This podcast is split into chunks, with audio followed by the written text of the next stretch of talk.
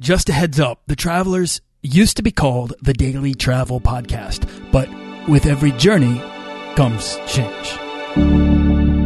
This podcast is produced by Holocene, a community of creative travelers. If you want to get serious about planning that next trip, writing that book, starting that creative project, or launching that business, we're breaking down the barriers between where you are where you want to be together at joinholocene.com. That's join, H O L O C E N E.com.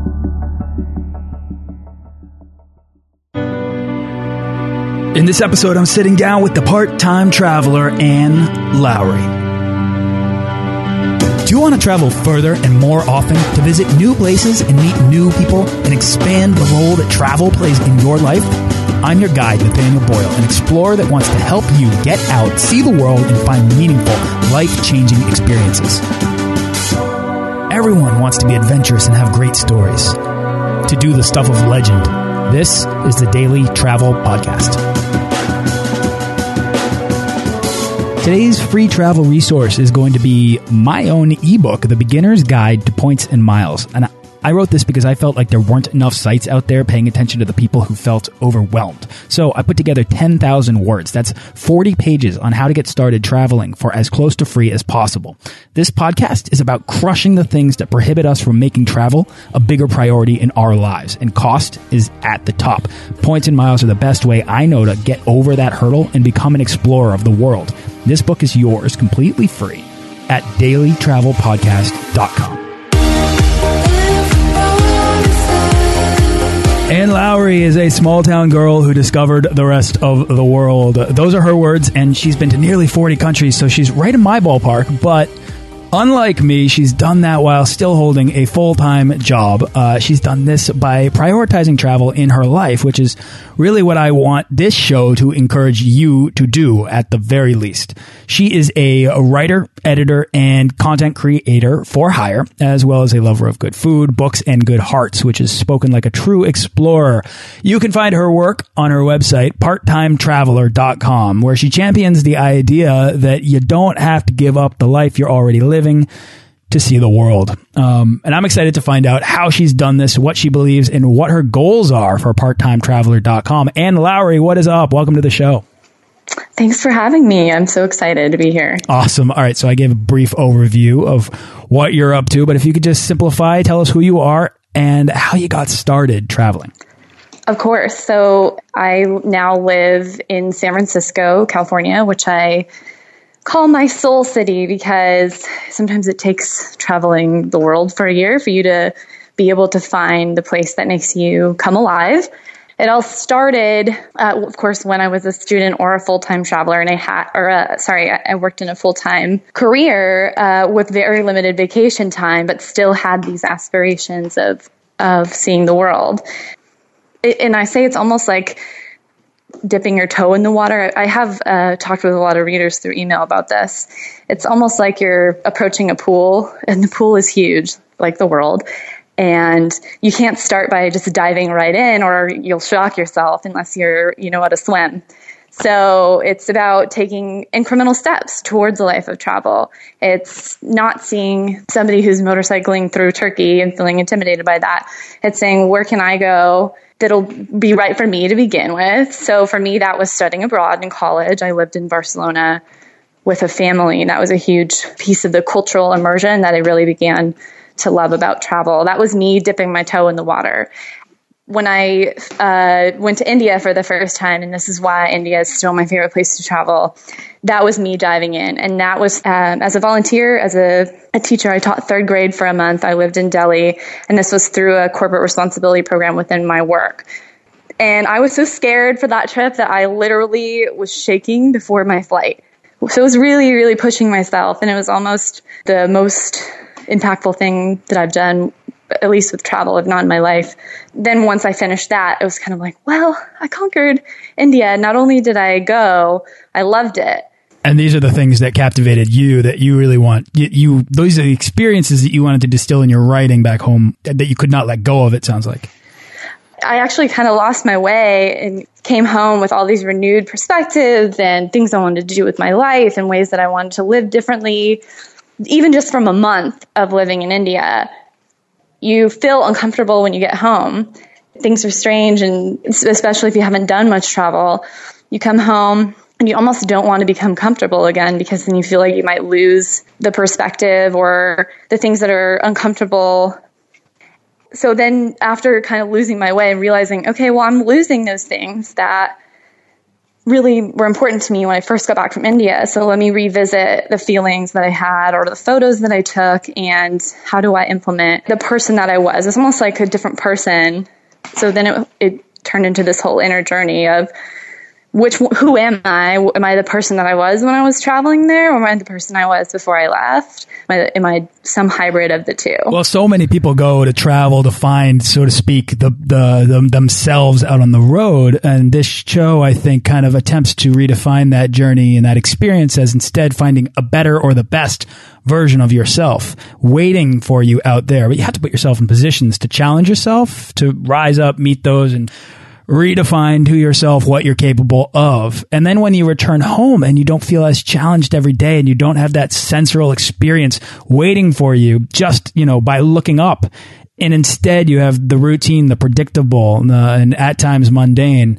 These things can dampen that that uh, whatever chemical response we get to the feeling of new experience and it's almost addicting, right? Like oh, who would say is. they they want to have those kind of nerves before a flight, or the kind of nerves you have when you push yourself to do something crazy like bungee jumping if you're scared of heights. But after a while, you really see the benefit of the feeling translating into this this growth, and like I said, this confidence. Either in the moment after you've accomplished something or seen something that you didn't imagine that you could, it, so because why why do we travel? We all want to see amazing sights and do amazing things, but it, at the heart of that, I think it's a little bit deeper. It's about the way th- these experiences make us feel and help us grow. So yeah. Well, your vision of what's possible expands as you work towards things, right? So if you set a goal and you start pursuing it, at first that might be unattainable. And as unrealistic as that can be, if you continue towards it, it's going to become less and less unrealistic or rather more attainable. And the more you work towards it, the more confident you get from your previous experience. So that's, that's the momentum that you're, uh, that you're having. And when you take what I just said and put a travel spin around it, and you set your goals of of uh, you know finally taking that first trip to Europe or to India or doing something like summiting Kilimanjaro, you know whatever whatever that travel experience is for you, it's relative to you, to what you think you're capable of. But once you get started working towards it, it does become easier with every step that you take. You just have to get into that pool and start wading past the, the shallow end some of the lessons that we learn when we travel, like not comparing yourself to others, that is a huge part of the journey, I think, as well. And the more we travel, yes, it's addicting, but it also gets somewhat easier. So, where did you go in India when you went on that trip? And what happened there that changed your own personal definition of yourself? So, I lived in Delhi. So, I talk a lot about traveling to India. People may have these perceptions of what it's going to be like. And there's always these references to Slumdog Millionaire. And we have these very, no matter how much we try, we have these very tightly wound, I think, versions of extreme India. And then to go and just live in a daily life and, and kind of see, there's a lot of things that are misunderstood, I think, and a lot of negative perceptions about some of the things in India. And you go, and I think it's something you almost can't read about. You have to go experience it for yourself. And this is coming from, I'm a huge reader, and I've always my whole life wanted to kind of soak in the, the wisdom of others and the experiences of others. And this all started with reading travel writing. But I think part of me is you just have to go experience it. And so what I did experience was just kind of this slight understanding. There's some things that initially things would rub me very wrong, or I would have strong opinions uh, about cultural differences. And when you're there, you see it in the history and the context of the people. And then it's not that you agree or somehow come around. It's just that you start to understand that there's more to the story than than just where you're coming from. And I think that's probably a little hard to explain, but well, let's try to explain it. But do you have Yeah. a, do you have a story? I know, I know, because I don't want to dodge the heart of the matter here. Do you have a story from your experience in India that might be a good example of the sort of philosophy that you're talking about right now? the single moment that I had that did embody all those negative stereotypes, I was supposed to be taking a train from Varanasi back to Delhi. Um, and I had the train was delayed. It was supposed to leave late at night. It was a hot day. I barely got there. I feel like I was hanging on by a thread. There was a lot. This was last summer. There was a lot of negative press around women traveling in India, especially alone. And I hadn't really felt any of that, negativity myself yet until this evening, uh, where you know there were some stares and some uncomfortable moments, and uh, I just was like not having it. It was one of the travel lows that we all hit. But India is a land of contrast. There are the highest highs, and the lowest lows. And so for me, that was, that was just a low compared to all the other time I had spent in India. I got on the train and I thought, you know, this is an 18 hour train or so. It should have a food cart. there should be water. And I was Love it. There was there was not, and I think there was just this moment where uh, I, I was like, I can't go much longer without water. I had hopped off the train to get tea and snacks, and then uh, the train started moving without me. And I realized I didn't have anything with me. Oh no! my wallet. I didn't have a phone. The second I realized the train was leaving, uh, I just booked it. I left everything, my change, my tea that I was trying to get, and I was literally just trying to run back onto the train. And I'm scared because I'm like, wow, I almost just got left at the train station without anything. And this man next to me who looked almost just like some of the men that had been making me uncomfortable or uh, hours earlier, he offered me half of his of his meal. That was something that was really powerful to me because it was a moment where somebody kind of could tell that I was like a little bit shooken up. And he also just had the one meal for the whole train and he offered to share it with me. And I think those are kind of the cornerstone of the experiences that I have in India in general. So for every negative experience, like I just described, which is really only one, if I'm being honest, there are 99 positive interactions that really affirm your belief in the kindness of humanity These experiences, I think, happen because we put ourselves in the position to explore and to. There's a, a, a recklessness that we want to find in our exploration that allows these things to happen. And they're not always ideal situations, but they almost always generate the most interesting stories. And the people that come on these shows and on this show and talk about uh, their best travel stories, more often than not, it's the result of a mishap or a mistake uh, that ended up becoming a wonderful interaction. because travel can be messy. We can miss flights, we lose money, we get in some sticky situations, but that's kind of what keeps me going outside of my own passion and refusal to to not have travel be part of my life. It's just and I think you bring that home too. You translate that into Absolutely. Your your life at home. the best stories happen from the people that we meet on the roads and the ways in which we help each other find our way. But when that happens to you, it reconfigures the way in which you approach interaction with other people, particularly people who need help. And the opportunity to pay that forward to people that are exploring your home Yes. is something that I think is is it's common. It's a it's a common trait of the well traveled to want to to pay that forward, that experience, that opportunity to help someone who's who's there. But at the same time, you know, this guy got to share his food with you. Not only is that uh, not only is he helping you, but he's also kind of getting to impart a degree of culture on you, right? It was a meal made by his family. Oh, it Oh, wow. led to this huge discussion. We sat together, we talked, we exchanged information, we still chat.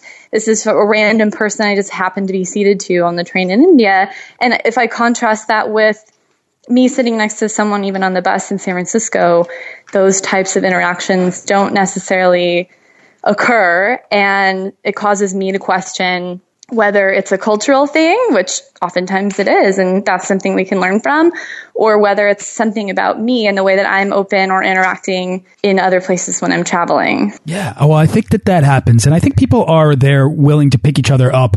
You experience it in different parts of the world more regularly. But what was it? It was just a couple months ago. I was driving down a highway, two lane highway.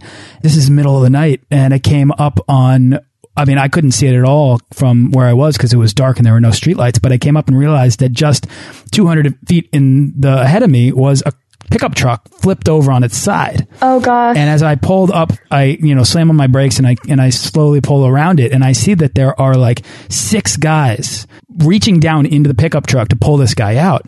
And so I immediately pull over, grab a flare and like throw that down and, and then jump into like the scrum of people trying to help this person out of his car that has just completely totaled.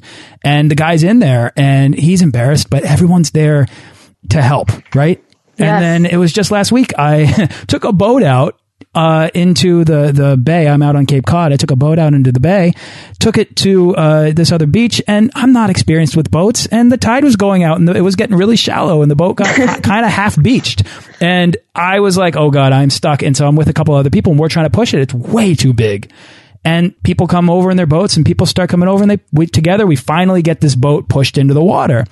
And it's it's not necessarily again i don't recommend putting yourself in positions uh, of peril but no. but uh, if you give yourself the willingness to explore and to step outside of your comfort zone and to let yourself get lost you will find these experiences happen more regularly. Yes, and I think that those, like I said before, 99 out of 100 interactions are positive. The one interaction that it does cause us some discomfort or peril is the fear that stops us from going in the first place. And so I think that's another myth and also a byproduct of really getting out there and experiencing travel is you get to see that that is really the, the faith that it, you re, you get restored in the world and, and in humanity and all these fears we have and perceptions dissipate when we go experience it for ourselves. Yeah, I love that. That's it's nice to have that metric to be able to quantify the um, the degree of challenge that you're looking and know that you can always go back there to push yourself to the, the degree that you want to be pushed. Um, I have to ask you though now, like let's uh, try to simplify this and make it maybe a little bit more accessible. What is a part time traveler? A part time traveler is somebody who has a no excuses approach to travel in their life, but it understands that it's just a part of life. So you don't have to be on the road full time to really make travel a large part of your life. I think there there are there is a lot that we gain and a lot of fun that we have and how can we set ourselves up to to have more of those interactions and those meaningful connections with humanity in our own backyard. You know, when I go to a place, I usually fall in love with one thing, whether or not I recognize it at the time. So maybe I go to Greece and I fall in love with feta cheese, you know, uh, to, yeah. to, to, use almost an obvious example. But then I get home and I catch myself eating Greek salads for like two weeks after. That's like all I ever want to eat because I'm just desperate to sort of cling on to that memory, right? Yeah. Italy, as I come home, I'll make myself bruschetta like all the time or, you know, it's whatever I hold on to. And it's really frustrating when I go somewhere and I come home and I can't do that because because whatever it was that I had there, you know, in, you know, Mongolia that stuck with me isn't, uh, isn't accessible to me. But, uh, I'm just wondering what are, what are the things that you do that you catch yourself doing regularly that might be ways to, to hold on to that traveler self of yours? A couple of things. Definitely food is one of them. And I've been, been I found myself seeking out markets and ingredients and trying recipes, taking classes. Think these are things that are stretching me in the same way that travel does. And what it does almost is like, I love that example that you use because it almost transports you back to the experience. And it, if nothing else, it enables you to kind of keep that piece of you that enjoyed that small thing alive. And it also teaches us that little simple things like that can make us happy. And, and, uh, I think that food is definitely and cooking is one way. Another way that's evolved for me is photography. And I think it's still a balance and social media for that matter with sharing your journey. And some of my photographs I share, and that's become a, a huge uh, source of inspiration even for me. But even when I share a photo, it's always this little connection to a moment that I had when I was traveling. And so I love that sometimes photos of other people's travels inspire me or that my photos will inspire other people to seek those experiences, but they're deeply, they become deeply personal. It's one thing to look back in your archives and be like, oh, that was really cool. it's another thing to try and put yourself back there in a sensory way and remember what it was like and why, like you said, what's a story or, or something that happened.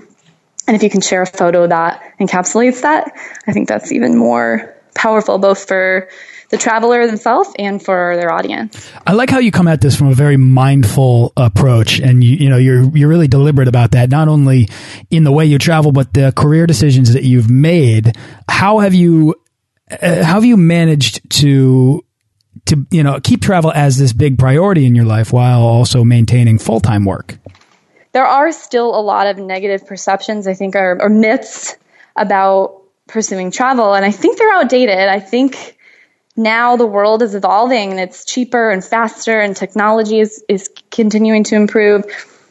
And some of the old ways of thinking around travel and career are really not applicable as we move forward. So I found that becoming true in my own life when I came home, moved to San Francisco, had all these career goals in mind for the type of big job I was going to get now that I had my fun and had my break I wouldn't be where I am now, which is writing full time and working in travel, if I hadn't learned what I'd learned and taken the break that I'd taken because it was this letting go of the sense of expectation that either others had for me or that I had for myself and being also being willing to let go of any fears.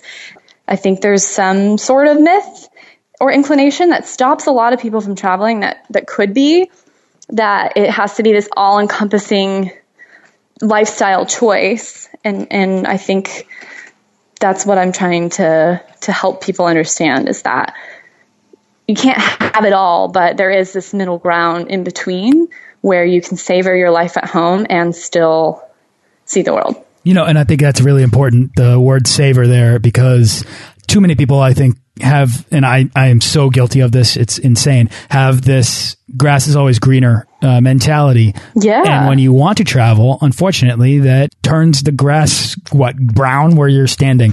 Uh, yeah. And you don't want that to happen at home. You know, home is uh, a place that you should love, you should be thankful for, right? I mean, at least, at least most of us, I think, would at least like that to be the case if it's not, if it's not already.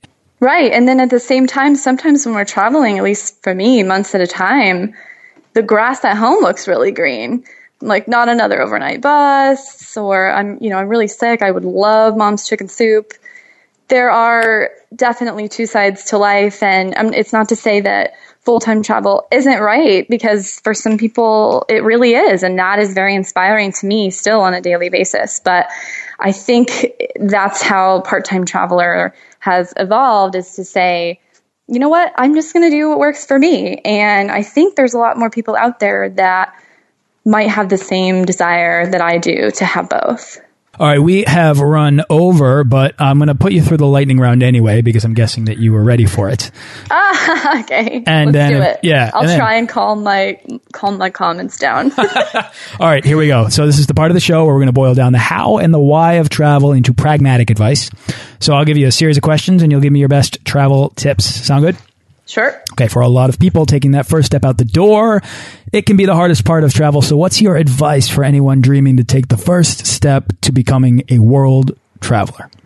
I would say that expectations are the devil in what, whether that's in travel or in life.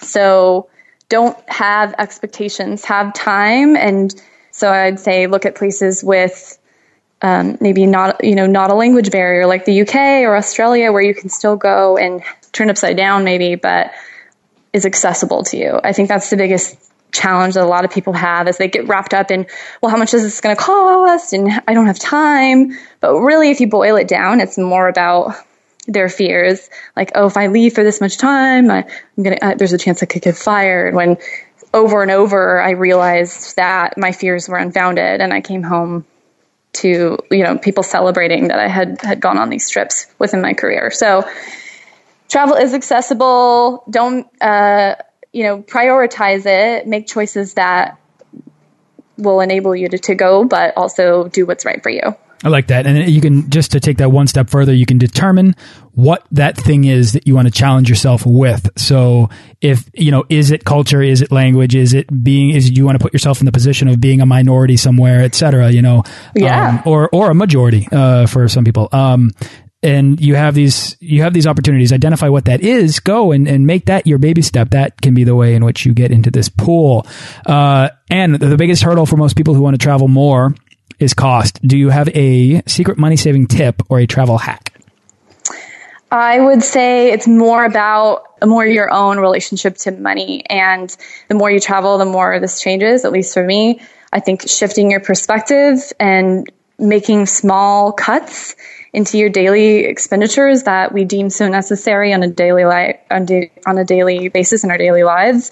If you have one trip where you pay three to five dollars a night to stay in a nice accommodation that really changes how you see a $5 coffee and also living simply. Um, travel teaches you this. There's a lot of things that we think we need as a part of where we're coming from and the culture that we we the way that we see things and that's fine but if you want to travel there are going to be some things you have to give up and i think the easiest thing to do is to think of living simply Speaking of suitcases, packing, easily my least favorite part of travel. Do you have any advice to help people pack better?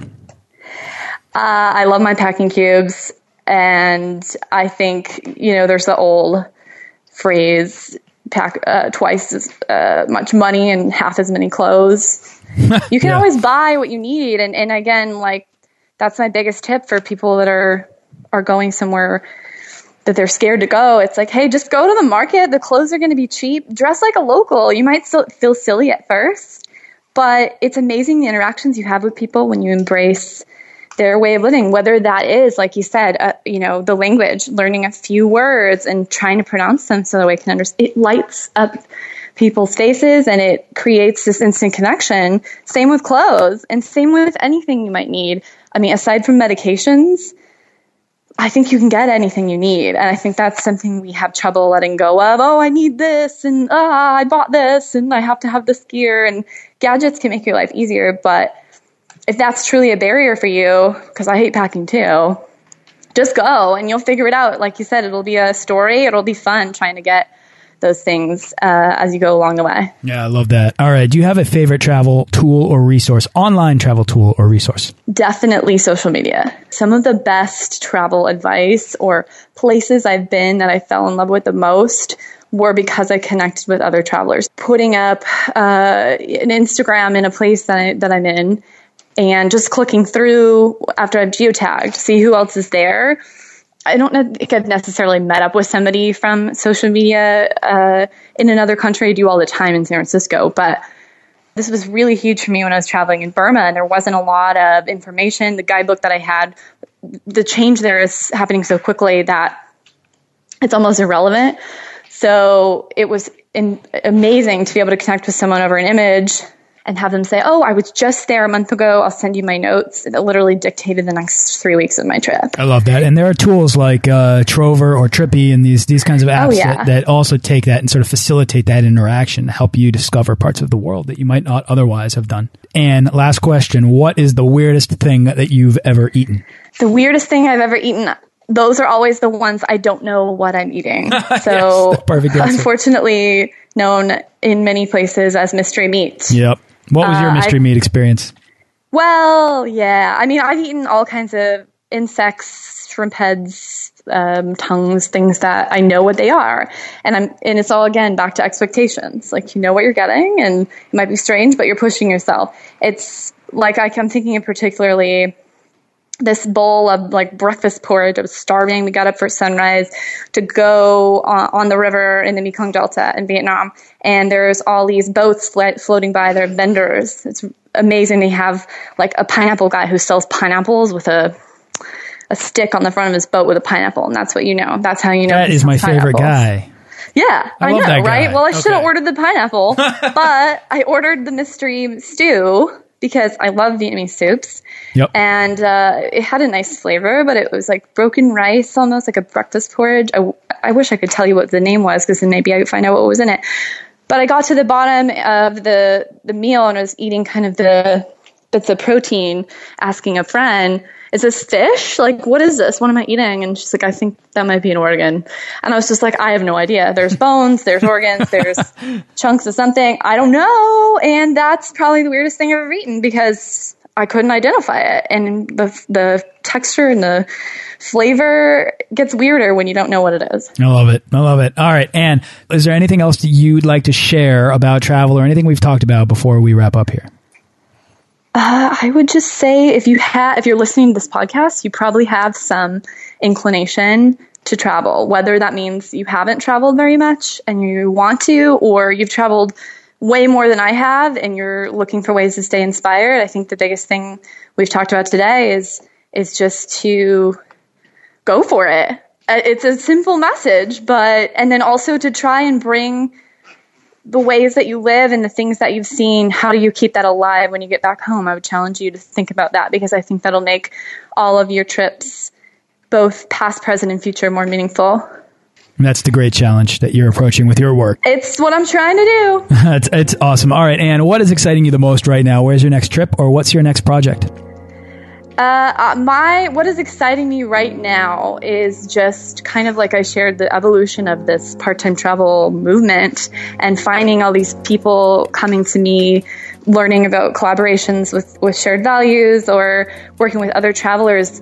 I mean, there's kind of both sides. There's there's readers who, who have never taken a trip before, like we've talked about in this uh, talk who want to go places for the first time and how do we make that accessible? And then there are also full-time travelers tra- other travelers that i'm meeting that are saying okay i've had enough. How do i get some kind of a home base and how do i still feed this obsession i have with travel and enjoy being at home? So i think it's all about balance and uh, the trips that i'm planning are kind of in line with that um, I don't have a set a set kind of thing on the radar, but I would ask you to stay tuned because there are a lot of cogs in the wheel right now that are turning. Well, you say stay tuned, which leads me right into the next question. Where can people go to find out more about you?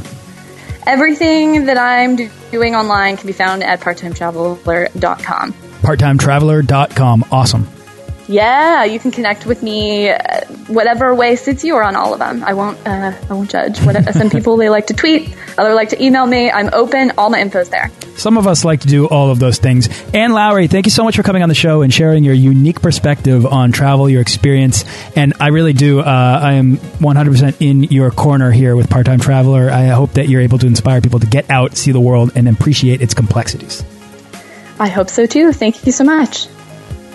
Thanks for listening to this episode of the Daily Travel Podcast. For show notes and links to everything in this episode and more, head on over to dailytravelpodcast.com. Join our Facebook page of explorers and subscribe to our newsletter for the best deals and resources to help make your next trip life changing.